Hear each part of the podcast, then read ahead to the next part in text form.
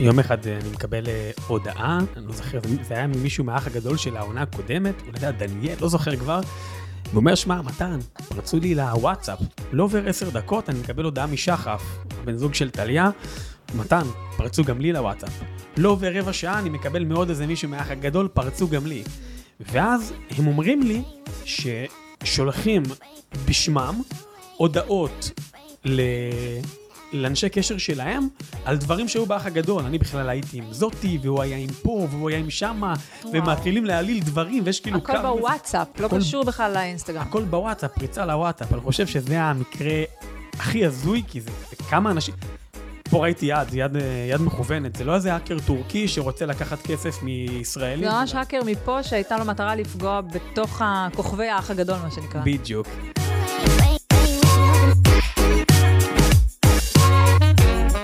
מתן בן ארויו. נכון, נכון. טוב, השם שלך, קודם כל אתה מתן אה, גאון אינסטגרם אצלי בפלאפון, אבל אה, השם שלך, לי הוא אומר המון, אבל בואו נספר קצת למי שצופה, מאזין ולא יודע. מי אתה, מה אתה עושה, מאין באת? וואו, מאין באתי?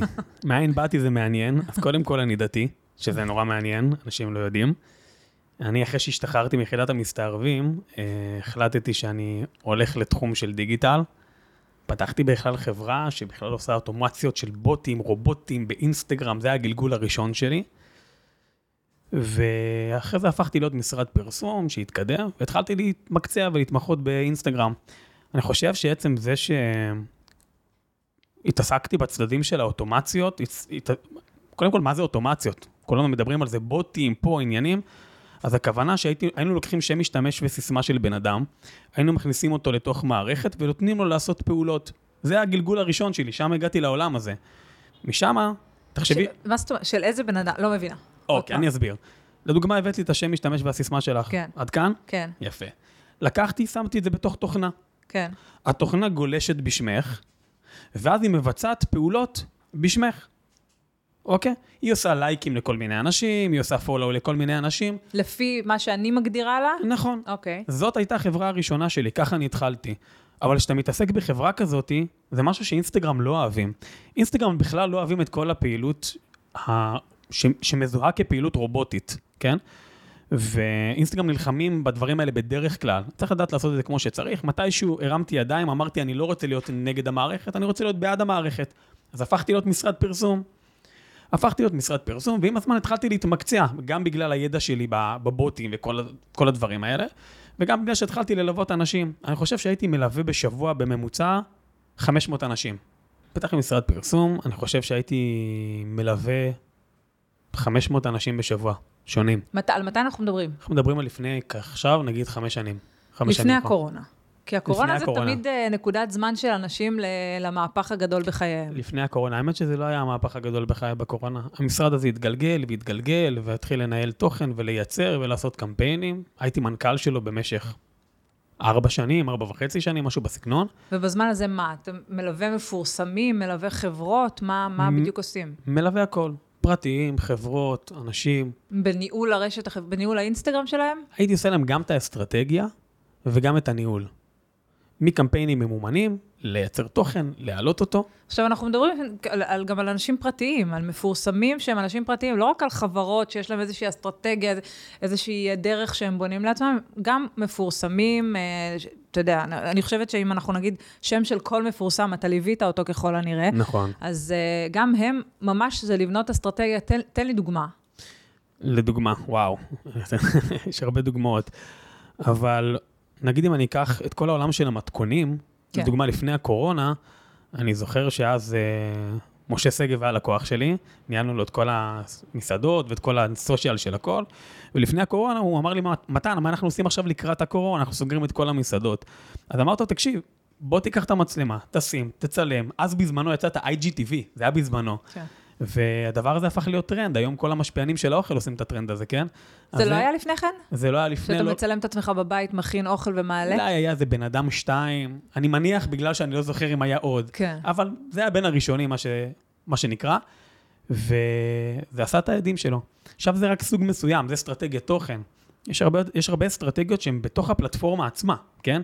כלומר, איך אני מעלה את הדברים, באיזה צורה, לפעמים אנשים לא יודעים שהם יכולים לקחת היום את החשבון שלהם ולהכפיל אותו פי שתיים. להכפיל את כל הנתונים שלו פי שתיים, רק מאסטרטגיות מאוד מאוד... ב-24 שעות. ב-24 שעות. והיה לי מספרים, אני אתן דוגמה, הגיעה אליי מישהי עם 15,000 צפיות, ואחרי... מפורסמת? מפורסמת, אני לא אגיד את השם. אה, אבל אחרי 24 שעות היא הייתה עם 213,000 צפיות. קבוע או חד פעמי? באותו יום היא הגיעה לזה. השאלה מפה אם אם היא ידעה להמשיך לשחק בחוקים ובתנאים. צריך לדעת, בסופו של דבר יש לך קהל. אנשים לא מנצלים את הקהל שלהם. זה המומחיות שלי. אני יודע לבנות אסטרטגיות, בין אם זה קריאיטיביות ובין אם זה טכניות, כדי לנצל את, מירב הקהל ולהביא קהל חדש. כשבחברה הראשונה שלי אני לא התעסקתי בעיקר בזה, הייתי יותר מתעסק בתוכן, בקמפיינים, הייתי יותר מנכ"ל. אחרי זה מכרתי את החלק שלי לשותף, ופתחתי חברה שמתמקצעת אך ורק באסטרטגיה טכנית וקריאיטיבית, בעיקר לקריאייטורים, יוצרי תוכן, סלבים ואנשים פרטיים. דווקא פחות חברות. אני בחברה הזאת שפתחתי החדשה, התמק... התחלתי, לא התמקצעתי, רגע, התחלתי, אני אגיד את זה. התמקדת. כן. התמקדתי יותר בעצם ב... באנשים שהם פרסונות, בין אם זה מפורסמים. למה? אני חושב שהמדיה יותר בנויה לפרסונות. היום הקהל, הרי בסופו של דבר, אני אומר, על... קחי אותך לדוגמה. את תרצי לעקוב אחרי עסק של ארונות? Mm, סביר להניח שהוא לא. אבל אם זה בן אדם שיש לו פנים, שהוא מפרסם מוצרים, זה כבר משהו אחר. שיש לו עסק, לדוגמה, תקחי את שני מלח הארץ, יש לה הרבה מאוד מוצרים בתחום ה home styling והכל, או, או קרולין, בסופו של דבר יש שם דמות מאחורה, בין אם היא מוצגת, בין אם היא לא מוצגת. הדמות הזאת באה ב front, ויותר קל לנו להתחבר, ולכן בחרתי דווקא בשווקים האלה. אני חושב שמקבץ כל הידע הזה יצר אצלי מאגר בראש שמסתכל על חשבון, יודע אם הוא טעה במשהו טכני, יודע אם הוא עשה עבירה, משם ממשיך ולוקח אותו לכל מיני חוקים סטטיסטיים שפיתחתי, זורק אותו בחזרה לקריאייטיב ומשחק איתו בכל העולם הזה. לפעמים זה לא עובד? תמיד זה עובד.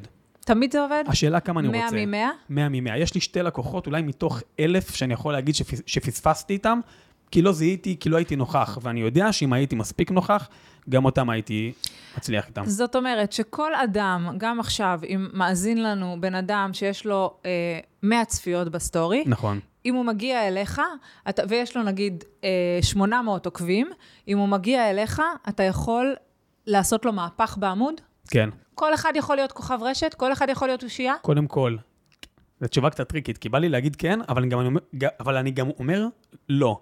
יש אנשים שלא יודעים להופיע מול מצלמה, שצריך לשפר אותה מול זה מצלמה. זה חשוב. וזה מאוד חשוב, שלא יודעים להביא ערך בשום דבר. אז קרה פעמים שהגיעו אנשים שהם גם לא יודעים מצלמה ואין להם ערך. אז בניתי להם, בניתי להם, את, הצ... בניתי להם את הדמות מול המצלמה, בניתי להם את כל הערך ואת כל המידע שלהם, בגלל שאני אמרתי אוטודידקט, לפעמים הייתי מלמד אותם על התחום שלהם ומחדד אותו. ואז בניתי גם אנשים מאפס, אבל הזמן השקעה הוא לא שווה את זה. כן. מים. הפסקת מים. בעצם, הרי האינסטגרם, באופן כללי אתה מדבר רק על אינסטגרם, או שגם טיק טוק וכל ה... כל הפלטפורמות. כל הפלטפורמות. זה הרי כל הזמן משתנה, נכון? כאילו, אנחנו כל הזמן מדברים על השם קוד, האלגוריתם, האלגוריתם, האלגוריתם. אז שם קוד האלגוריתם, האלגוריתם כל הזמן משתנה. איך עומדים בקצב? איך אתה יודע, כאילו, מה עכשיו uh, מחפשים, מה עכשיו לא מחפשים? כי בסוף אנשים צריכים להבין, זה חוקים יבשים. זאת אומרת, יש כל מיני uh, uh, טיפים שאתה יכול לתת. נגיד, נתת לי, כי אנחנו, גילוי נאות, היינו, ב, ב, היית גם המלווה שלי במשך תקופה. Uh, יש טיפים ממש טכניים, נקודתיים, של תעשי 1, 2, 3, וזה עובד. איך אתה יודע מתי זה עובד? למה אינסטגרם בעצם uh, מאפשר את הדברים האלה? אתה מבין? אם הוא יודע שאנשים יודעים לזהות את, ה, את הפעולות של האלגוריתם. קודם כל, הוא לא מאפשר. והידע הזה, למי שרוצה מוזמן לחפש אותו באינטרנט, הוא לא ימצא אותו. הידע הזה נובע נטו מסטטיסטיקה, סליחה, מסטטיסטיקה בלתי נגמרת ו- AB testing בלתי נגמר, שכל הזמן צריך להבין איפה הוא נמצא. זה מה שאני עושה כל הזמן. שואלים אותי מאות שאלות ביום, מקליינטים מהעבר, מאנשים דרך האינסטגרם. ואתה עונה לכולם? אני... בוא נראה, אולי יש איזה בן אדם שתיים שלא לא היה לי כוח לענות, אבל אני עונה, בוא נגיד, ל-98% לא, מההודעות. לא, כי זה, זה משתלם לך בסוף לענות לכולם? זה משתלם לענות לכולם, אני לומד מזה. אני לומד, כלומר, כשבן אדם בא ושואל אותי שאלה, אז אני מבין שיש פה משהו וקורה משהו, ואז אני בא ואני אומר לו, תעשה ככה, ואני אומר לו, תעשה ככה. ואז אני בעצם לומד עם האנשים כל הזמן. למזלנו, האנושות לא משתנה יותר מדי פעמים, כן? האלגוריתם בא לשקף את העדפות של האנושות. והאנושות לא משתנה יותר מדי פעמים, לכן השינויים הם מינוריים, הם לא כל כך גדולים, הם פעם בתקופה. תן דוגמה עכשיו למשהו, ת, תן טיפ עכשיו למשהו שהאלגוריתם אוהב. אוהב. כן. ולמשהו שהוא לא אוהב. אוקיי, אז בוא ניתן משהו מעניין. משהו שהוא לא אוהב, מכירה את זה שמתייגים אותך, כן. ואז את נכנסת ואת מושכת, יש, נכון, יש, זה נקרא mention, נכון, add to your story, למשוך נכון. את הזה, זה מחריב את כל החשיפות. 24 שעות את יכולה להחריב בעקבות זה את החשיפה שלך. זאת אומרת, אם מישהו מתייג אותי לא לשתף את התיוג שלו, אלא אם כן אני רוצה שיצנחו לי החשיפות, בדיוק. אה, יש פתרונות? כן, יש לזה פתרונות מסוימים שאפשר לעשות. סתם את מכירה חלק. נכון. משהו שעכשיו הוא לא אוהב לעשות? אה, זה אמרנו, לא, זה אמרנו, רגע, אמרנו משהו שהוא לא. נכון. משהו שהוא כן? משהו שהוא כן, ובא לי לגלות אותו. בואו נראה. אני אעשה משהו פשוט, שיחסית אנשים מכירים אותו. איך אומרים? זה קצה הקרחון, כן. יש מאחור הזה.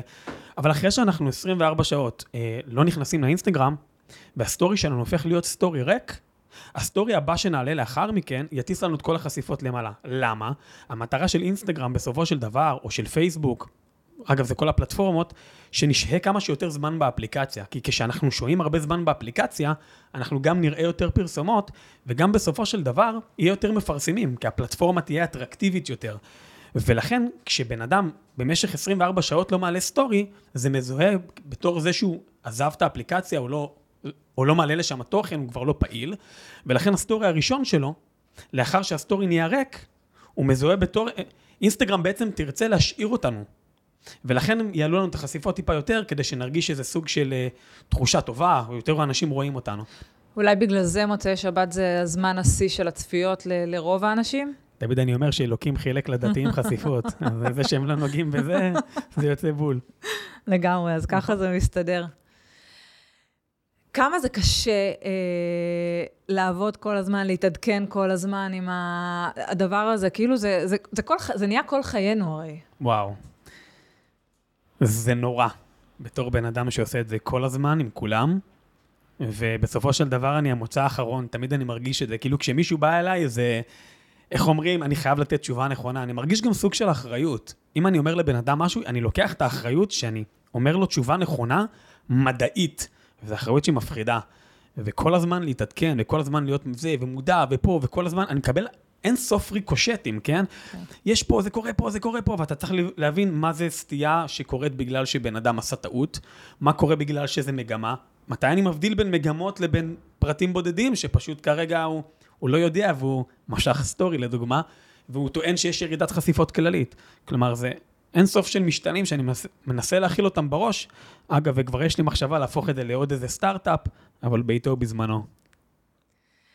בוא נדבר קצת על אה, עניין של פריצות. אמרת שיש לך גם אה, חברה שמטפלת בזה. וואי וואי. תספר קצת איך זה עובד. נושא מעניין. פריצות, סגירות של עמודים באופן מפתיע, שזה לאו דווקא פריצות, מתחזים, אוקיי, וי כחול, אוקיי. הכל קשור להכל. אז הכל קשור להכל, ובהכל אני נוגע, נוגעים.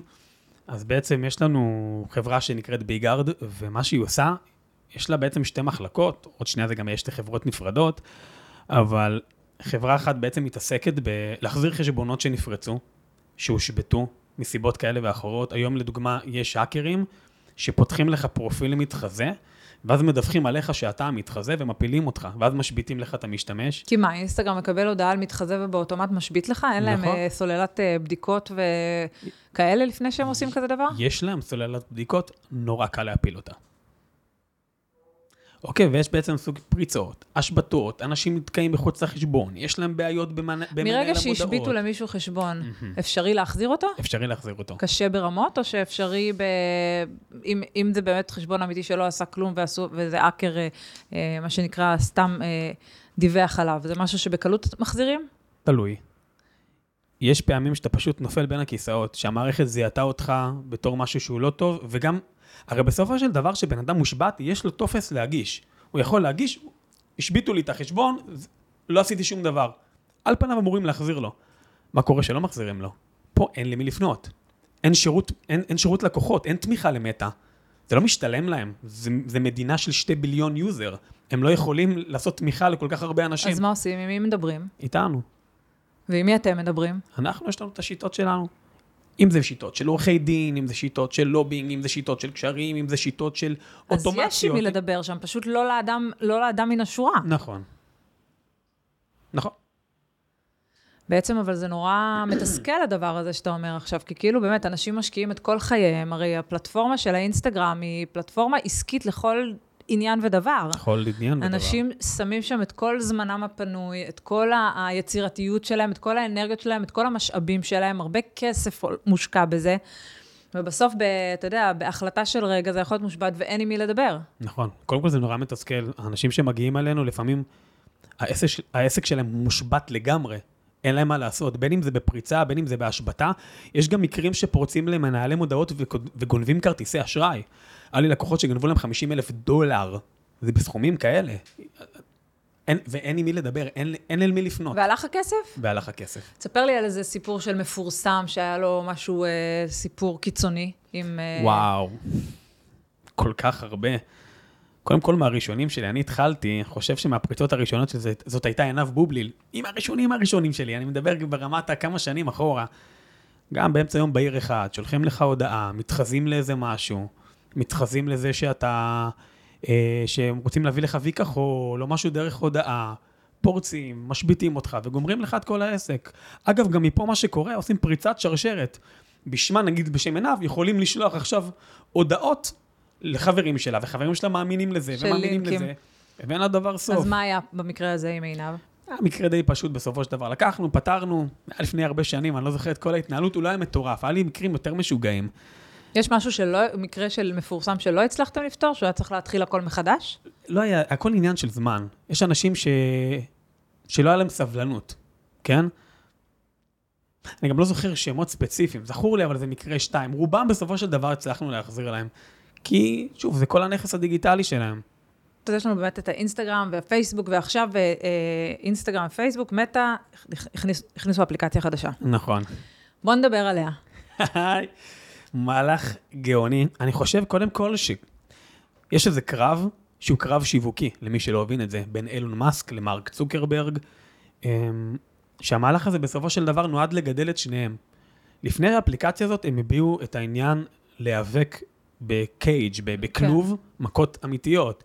בהתחלה חשבו... אבל זה אמיתי או שזה משחק? אז בהתחלה חשבו שזה בצחוק, עכשיו כולם מבינים שזה אמיתי, והם ממש מתבטאים. הציעו עכשיו את הקולוסיאום, להילחם שמה, זה פשוט הזוי לגמרי.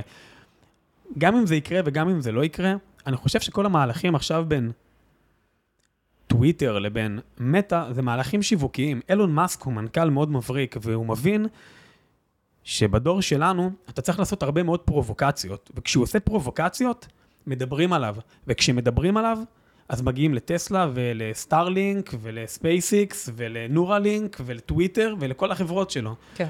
ואותו דבר אילון מאסק, אה, ואותו, ואותו דבר מרק צוקרברג, הוא זורם איתו. ואז מה הוא...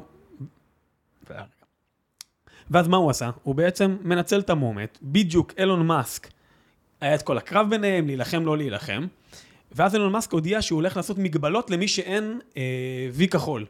הוא הולך לעשות מגבלות למי שלא שילם לו כסף בטוויטר, אוקיי? ואז ביום שהוא הודיע על זה, אה, מרק צוקרברג הוציא את האפליקציה שלו, שכמובן אף הוא אחד לא תכנן ידע אותה עליה מראש. לפני? בטוח ידעו עליה מראש, הם פשוט שמרו את זה מאוד מאוד מאוד מוסלק, כדי שזה יביא נוקאוט. אגב, טוויטר בעלייה. זה כאילו שלושה ימים, זה עלה לפני שלושה ימים, בכל העולם, או שאלינו זה הגיע לפני שלושה ימים? לא, זה הגיע בכל העולם. בטוח יש איזה מדינות שנשארו ב-AB testing וזה עדיין לא הגיע אליהם, אבל בבת אחת השיקו את זה בכל העולם. כן, עשו מכת עולם, כמו שהוציאו אז בזמנו את הרילס.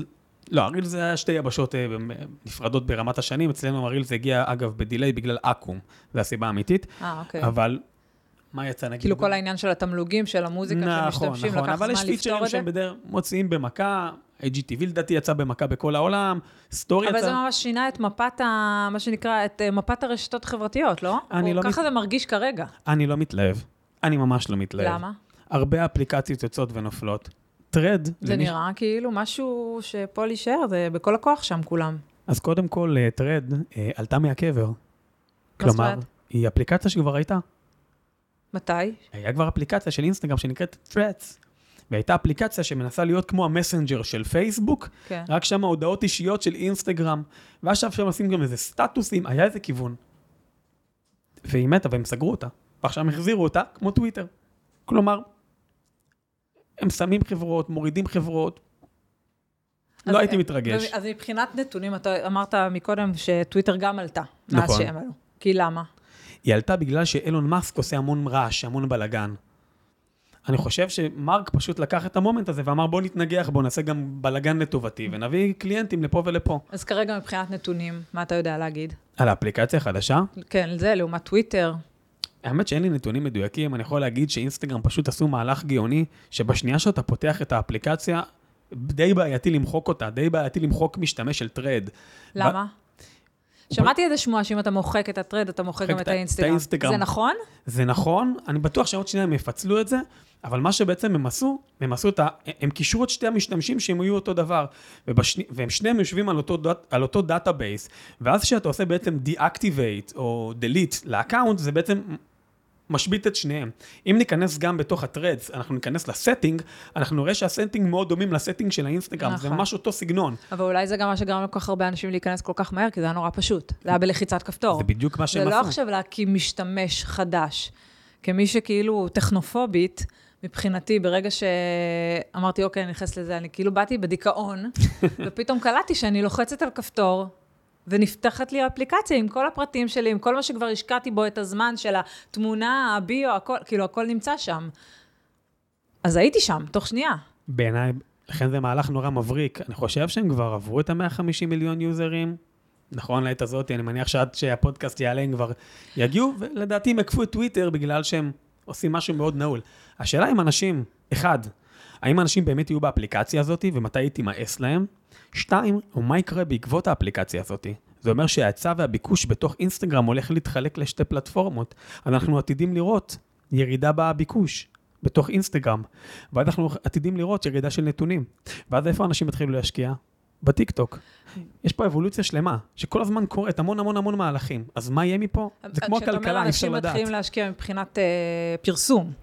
מבחינת להעלות תוכן, איפה להעלות, איפה להשקיע, איפה להיות זאת יותר. שאלה, כי אתה אומר, בסוף כל השיתופי פעולה, אם אנחנו חוזרים רגע למפורסמים, למשפיענים, בסוף הם עושים את הכסף הגדול שלהם היום מאינסטגרם ומטיקטוק, אבל הכסף הגדול באמת הוא כרגע באינסטגרם. נכון. ומה יהיה? זה יכול, איך אתה רואה שיתופי פעולה או מכירות ב Threads, ב Thread, או איך שלא יקראו לזה, אני עוד לא הפנמתי את השם. Threads. אני. חושב ש...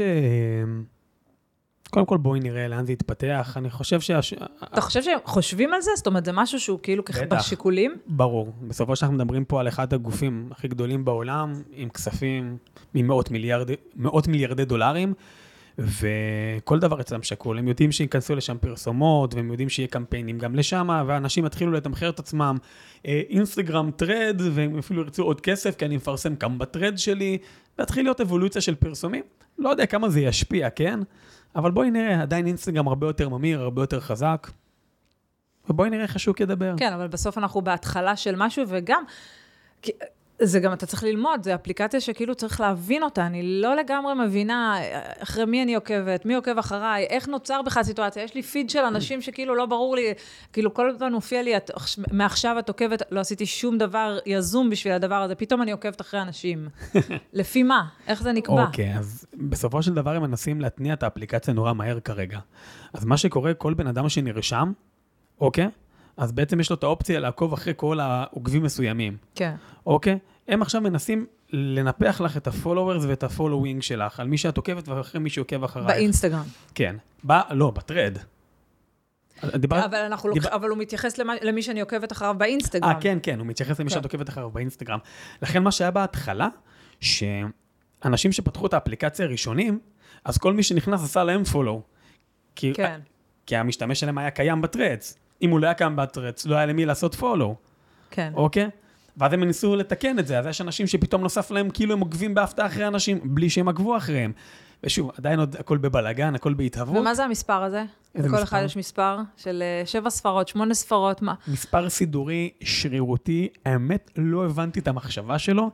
תעשו את השם, תעשו מתן סלאש בן ארויו, תעשו משהו שהוא מגניב. מה זה המספר הזה? זה קצת מצחיק.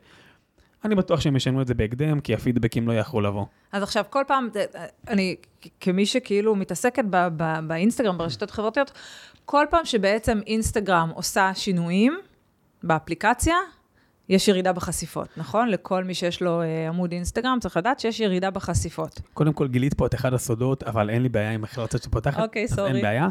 אבל יש סוד שאנשים לא יודעים, שהוא ברגע שבן אדם, אה, ברגע שבסליחה, הפלטפורמה עצמה עושה שיפוצים בתוך הפלטפורמה, כל החשיפות יורדות. פעם לשלושה ימים, פעם לארבעה ימים, פעם לשבוע. כי למה? כי סטייה באלגוריתם שלהם כנראה. כנראה זה משבש משהו, אין לי משהו מחקרי, משהו מדעי. אני יכול להגיד, המדעי שלי פה, זה פשוט שכל פעם שהיה שיפוצים בטווח גדול, לא לאיזה אחוז קטן באוכלוסייה, אלא שינויים מסיביים בכל אינסטגרם, כמו לדוגמה, פיצ'ר, הקמת, השקת אפליקציה חדשה? השקת אפליקציה, הוספה של פתקים. עכשיו הוסיפו לנו את הפתקים, ופתאום הוסיפו להם voice over לפתקים, אה, כלומר הקלטה, כל, אה, הקלטה בתוך הפתקים וכן הלאה, יש לנו ירידה של כל הנתונים. עוד מעט את תראי יפעת שכולם הולכים לדבר את הידע הזה בעוד מלא מקומות. תראי את זה. אתם ידעתם ש... זה יקפוץ לי בסרטונים. אה, כפטריות אחר הגשם, אנחנו רגילים לזה כבר. אנחנו נעשה את זה כטיזר שלנו, של הפודקאסט, ואז זה יהיה מזוהה איתך בכל מקום, זה ירוץ אה, ברשת. יפה. לא, אבל אה, אני, מנסה כאילו... בוא נדבר קצת באמת על כל העניין הזה של חשיפות וזה. מה יותר חשוב, עוקבים או חשיפות? קודם כל, מה זה חשיפות? חשיפות, זה שם גדול. יש לנו נכון, מה זה חשיפות? תמיד אני מחלק, יש לנו את האימפרשן ויש לנו את הריץ'. ריץ' זה היוניקים, זה הכמות האנשים השונה שצפו לך בתוכן. impression זה כמה אותו כמות, כמה פעמים הם צפו בכל תוכן. לדוגמה, אם אני רואה את הסטורי שלך, יהיה לך אחד reach ואחד impression. נכון. אם אני רואה גם פוסט שלך, יהיה לך אחד reach ושתי impression. אם אחותי התאומה זוהר, שתברך לחיים ארוכים, אמן, תראה גם את הסטורי שלך, יהיה לך שתי reach, כי זה unique ים, ושלושה, ושלוש impression. נכון. יפה. וככה זה יגדל. עכשיו, זה מה שנקרא חשיפות. בתוך החשיפות יש לנו חשיפות שהן יותר מעניינות. יש לנו כמה unique ים יש לנו בסטורי. כמה unique ים יש לנו ברילס. אוקיי, זה מתחלק לשם. לכן עוקבים זה לא משהו שמעניין. יכול להיות לי עוקבים וכולם לא יהיו פעילים. עזבי שעם כמות העוקבים המזויפים שרצה היום, שזה הפך להיות דבר שהוא... איך לא מזהים את זה עדיין? מי לא מזהה? עובדה שכאילו, אני, אני רואה... הרי בסוף, איך אני, איך אני יודעת שמישהו, שמשהו לא לגיטימי בכמות העוקבים? בסוף זה נורא פשוט. אם יש לך 700 אלף עוקבים ויש לך 200 לייקים על פוסט, אז סביר שכאילו משהו פה לא עובד, משהו פה קנוי, משהו פה לא אמיתי. אז איך... ועדיין, האנשים האלה ממשיכים לעבוד, העוקבים ממשיכים להיות, אינסטגרם לא מנקה אותם. נכון, פעם בתקופה אני זוכרת שהם עושים ניקיונות, אבל הם מנקים אלף, אלפיים... כאילו, אני לא ראיתי... אינסטגרם, אם הוא מזהה שיש לך עוקבים קנויים, למה הוא בעצם לא מוחק אותם פתאום? אוקיי, קודם כל, שאלה מדהימה, יותר ממדהימה. תודה לך. אני, בגלל אמרתי לך שאני מתעסק בעולם של הסייבר, גם בלהחזיר, אבל גם באבטחה. הרי יש לנו את כל הסטארט-אפ שאנחנו מאבטחים חשבונות, אנחנו הרבה פעמים מתעסקים במה שקו, מה קורה שקונים לאנשים עוקבים מזויפים.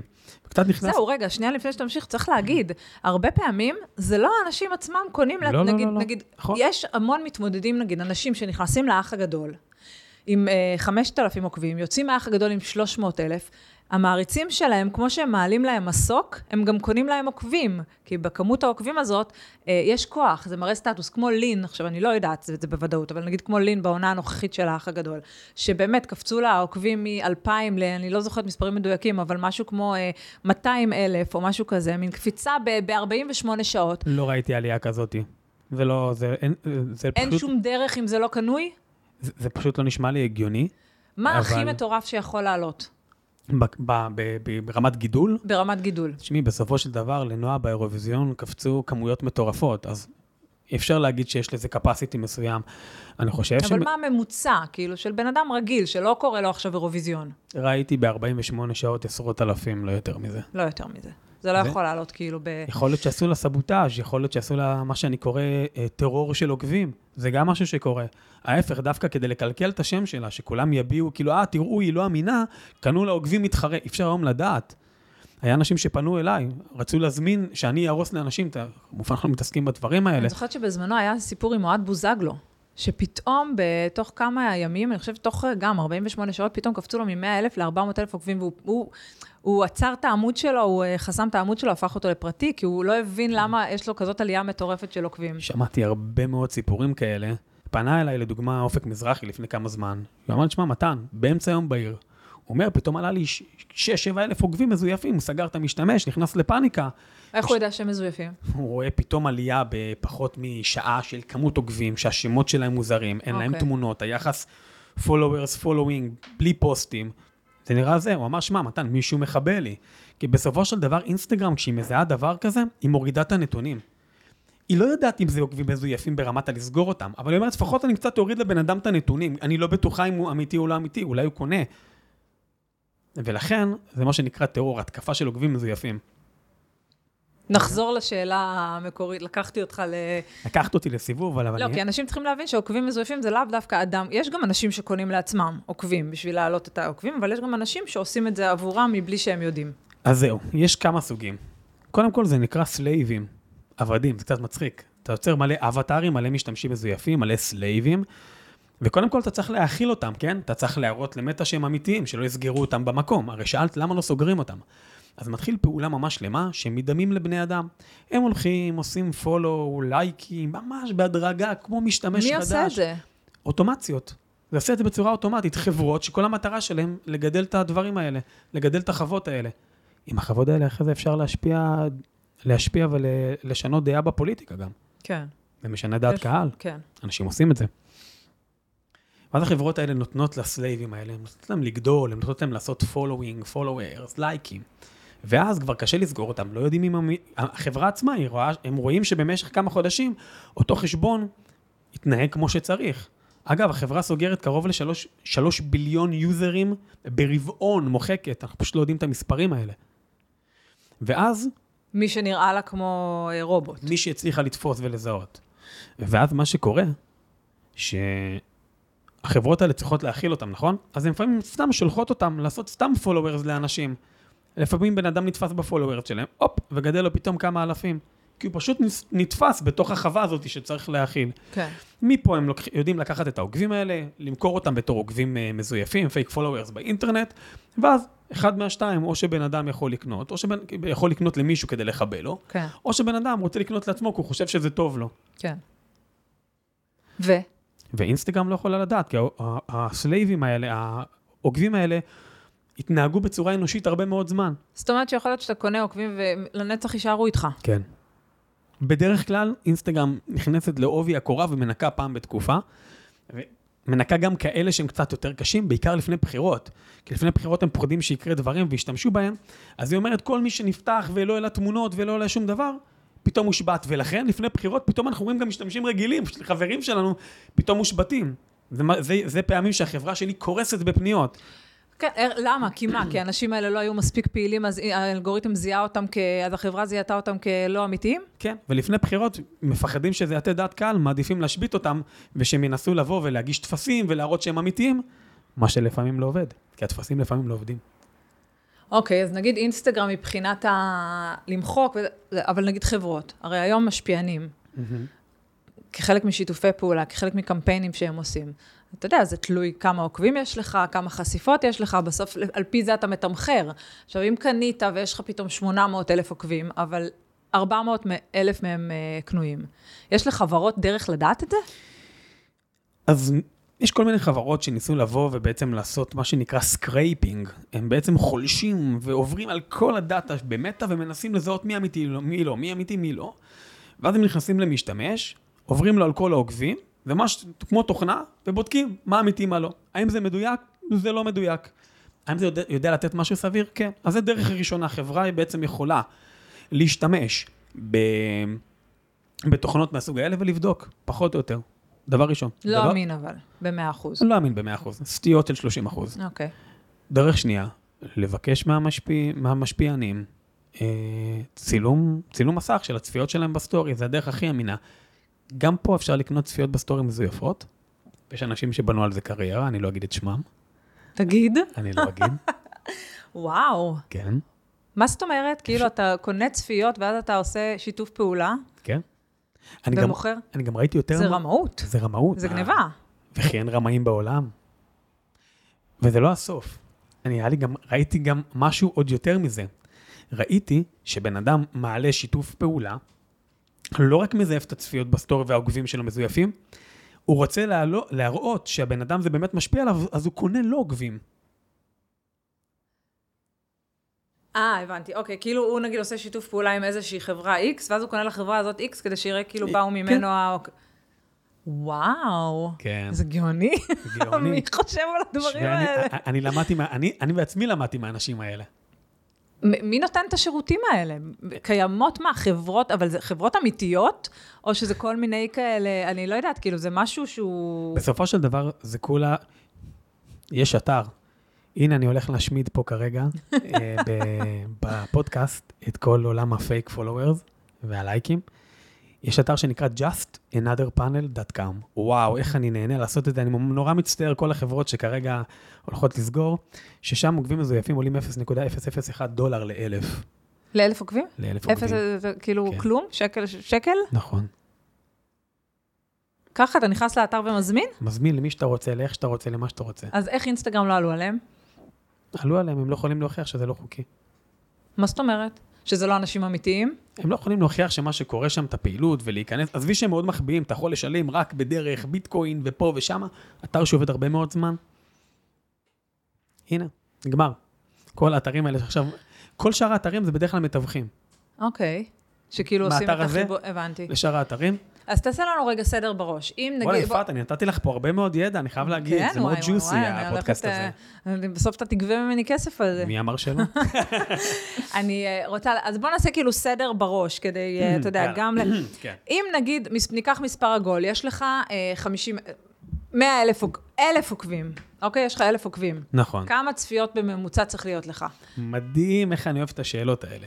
אז ככה, קודם כל, האלף עוקבים לא מעניינים אותי. מעניינים אותי כמה עוקבים פעילים יש לי. אוקיי. על מנת לבדוק עוקבים פעילים, אפשר להיכנס בנתונים ולראות את זה. אני לא אכנס פה עכשיו איך עושים את זה בדיוק, אבל אפשר לראות כמה עוקבים פעילים מתוך האלף יש לי. בדרך כלל זה יהיה נגיד ארבע חמישיות. בממוצע, ארבע חמישיות זה נתון טוב. נגיד מתוך אלף יהיה לי נגיד 80. אוקיי, 800, 800 עוקבים פעילים. מתוך ה-800 עוקבים פעילים, הנתון אומר את הדבר הבא, וגם את זה הולכים עוד מעט להגיד בכל מיני פודקאסטים, אוקיי? הוא בעצם אומר שככל שהמשתמש יותר קטן, אני עולה 20, אני בין 20 ל-30 אחוז.